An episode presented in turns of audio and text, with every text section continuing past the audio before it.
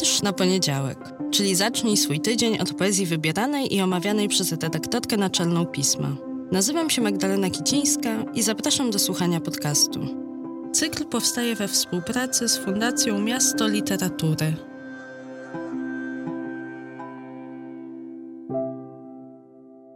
Dzień dobry, cześć, czołem, a może powinnam powiedzieć hejże, bo jesteśmy w Krakowie, ale nie powinnam tego jednak mówić, bo nie mam dobrego krakowskiego akcentu i to wszystko, no nie brzmi tak jak dźwięki, które wydają, paszczą ludzie tutaj dookoła mnie bo w zeszłym tygodniu nagrywałam do Was z Gdańska, a dzisiaj do Was nagrywam prosto z samiusieńkiego serca starego miasta w Krakowie, nigdy starówki. Tego się nauczyłam od ludzi mówiących hejże, że nie można mówić starówka o starym mieście w Krakowie. A przybiegłam do Was prosto z rynku, ze skrzyżowania ulic, o właśnie, już nie pamiętam jakich, Aha, oczywiście słynnej Brackiej i Rynku, bo tam w Narożnej Kamienicy właśnie skończyła się gala nagrody imienia Wisławy Szymborskiej, czyli ukoronowanie drugiego dnia festiwalu Miłosza, bo on od wczoraj tutaj trwa, od wczoraj dzieją się tutaj poetyckie i nie tylko poetyckie, ale inspirowane poezją cuda. W tym roku wyjątkowa była to gala, bo nagrody były dwie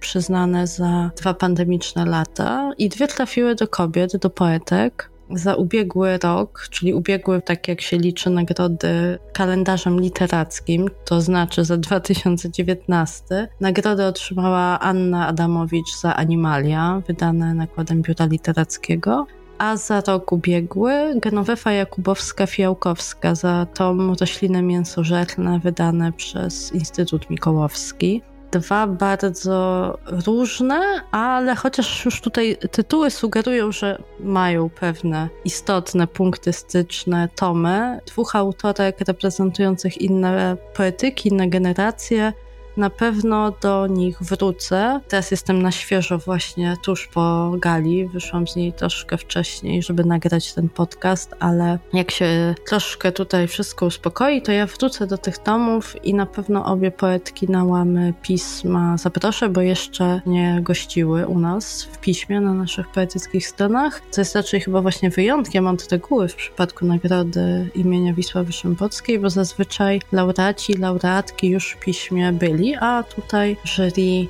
wyprzedziło na pewno moje różne znajomości poezji i intuicje, ale jak od zawsze powtarzam, ja jestem entuzjastką poetki, nie krytyczką i nie recenzentką, co oczywiście nie usprawiedliwia ignorancji. Natomiast no, trochę moje poszukiwania poetyckie idą obok tego, co bardzo bieżące i aktualne, nie zawsze, ale tak bardzo często się zdarza. Ale dzisiejszy dzień tutaj na festiwalu w Krakowie, parnym Krakowie, burze gdzieś wczoraj szalały, gradobicie niesamowite wczoraj tutaj w Krakowie, ale dzisiaj już jest parno, letnio, mnóstwo turystów, bo też dzieje się tutaj festiwal ulicznych teatrów. No, środek lata, czegoś więcej chcieć, ale dzisiejszy dzień to nie tylko dzień dzisiejszy, nie powinnam tak mówić, redaktorka we mnie się chce od razu poprawiać. Sobota na festiwalu Miłosza to nie tylko gala, to nie tylko nagroda, ale to też oczywiście dobre, mocne spotkanie, jak to, które się odbyło tuż przed samą galą nagrody. Niezwykle ciekawa, inspirująca i pobudzająca do myślenia rozmowa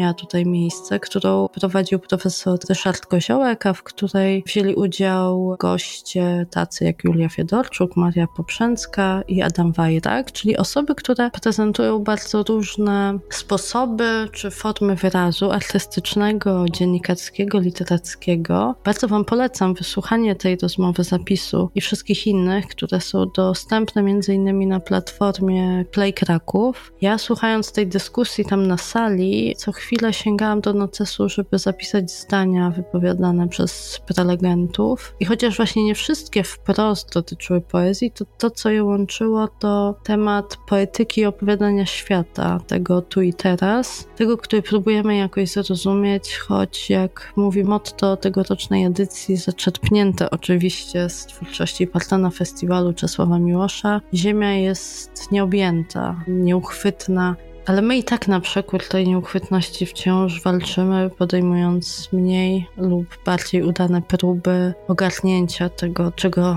ogarnąć nie sposób. O tym można posłuchać w zapisie spotkania, a ja Was też kieruję, jeśli już wejdziecie na tę platformę, do wysłuchania również nagranych wcześniej, tuż przed festiwalem rozmów z gośćmi z zagranicy i gościniami, którzy z uwagi na to, że pandemia wbrew pozorom się nie skończyła, nie dotarli tutaj na miejsce. Między innymi ze wspomnianą w tym podcaście wielokrotnie Agi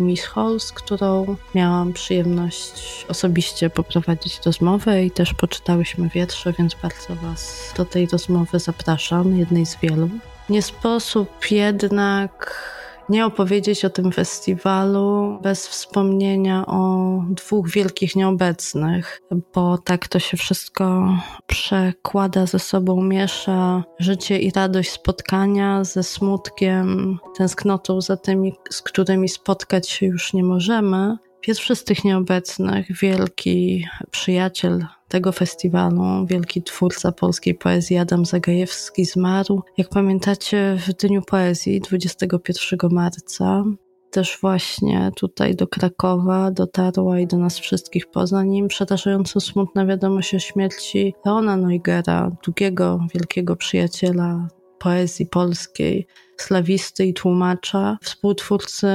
Dni Translomerowskich i właśnie tłumacza poezji tego szwedzkiego noblisty. Ja tu kiedyś w tym podcaście mówiłam o tym, że Thomas Transtomer jest jednym z mnie najbliższych poetów, więc tym większy mój smutek i z jednej strony oczywiście wdzięczność za jego pracę translatorską i pracę na rzecz polskiej kultury, ale z drugiej strony smutek ogromny, że już na kolejnych dniach translomerowskich nie posłucham tego, jak on pięknie o poezji szwedzkiego noblisty, ale też w ogóle o poezji mówił. Niewielu też pamięta, że Leonard Neuger sam również pisał wiersze.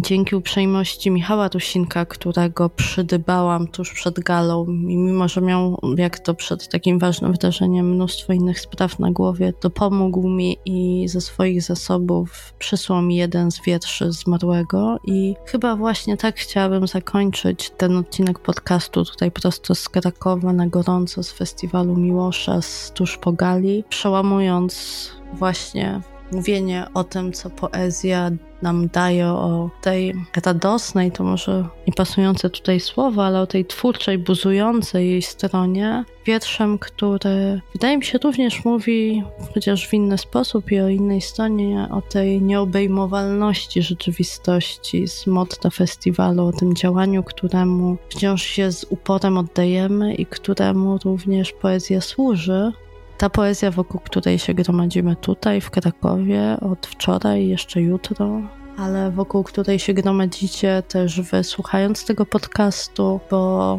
wydaje mi się, że ten, który po poezję czyta, która po poezję sięga, sięga po nią dlatego, że próbuje sobie pomóc objęciu tego, co nas dotyczy, w jakiejś mniejszej samotności, jak tu wielokrotnie mówiłam. W momencie, w którym może nas ta rzeczywistość przeraża, przegania, nie nadążamy i wtedy chcemy się zatrzymać. I ten wiersz Leonarda Neugera też jest o tym. I z nim Was zostawiam, właśnie tak mieszając to, co radosne z tym, co smutne, ale, że tak powiem, jakże nie poetycko, takie też jest życie i taka też jest rzeczywistość. A ten wiersz, który zaraz Wam przeczytam, wiersz niezatytułowany, jest, co ciekawe, może to też taka podwójna puenta, jest ostatnim ze 101 wierszy w zbiorze zredagowanym, wymyślonym przez profesora Piotra Śliwińskiego, tomie zatytułowanym Wolny Wybór, stulecie wierszy 1918-2018.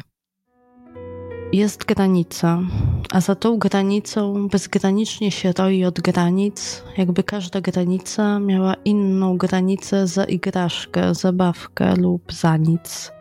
Dotrzeć do niej się nie da i w tym cała jest bieda, bo gdy tylko poczujesz, że na nią następujesz stopami obiema, to tam granicy nie ma. Bezgraniczne, bez miary, stany na zamiarę.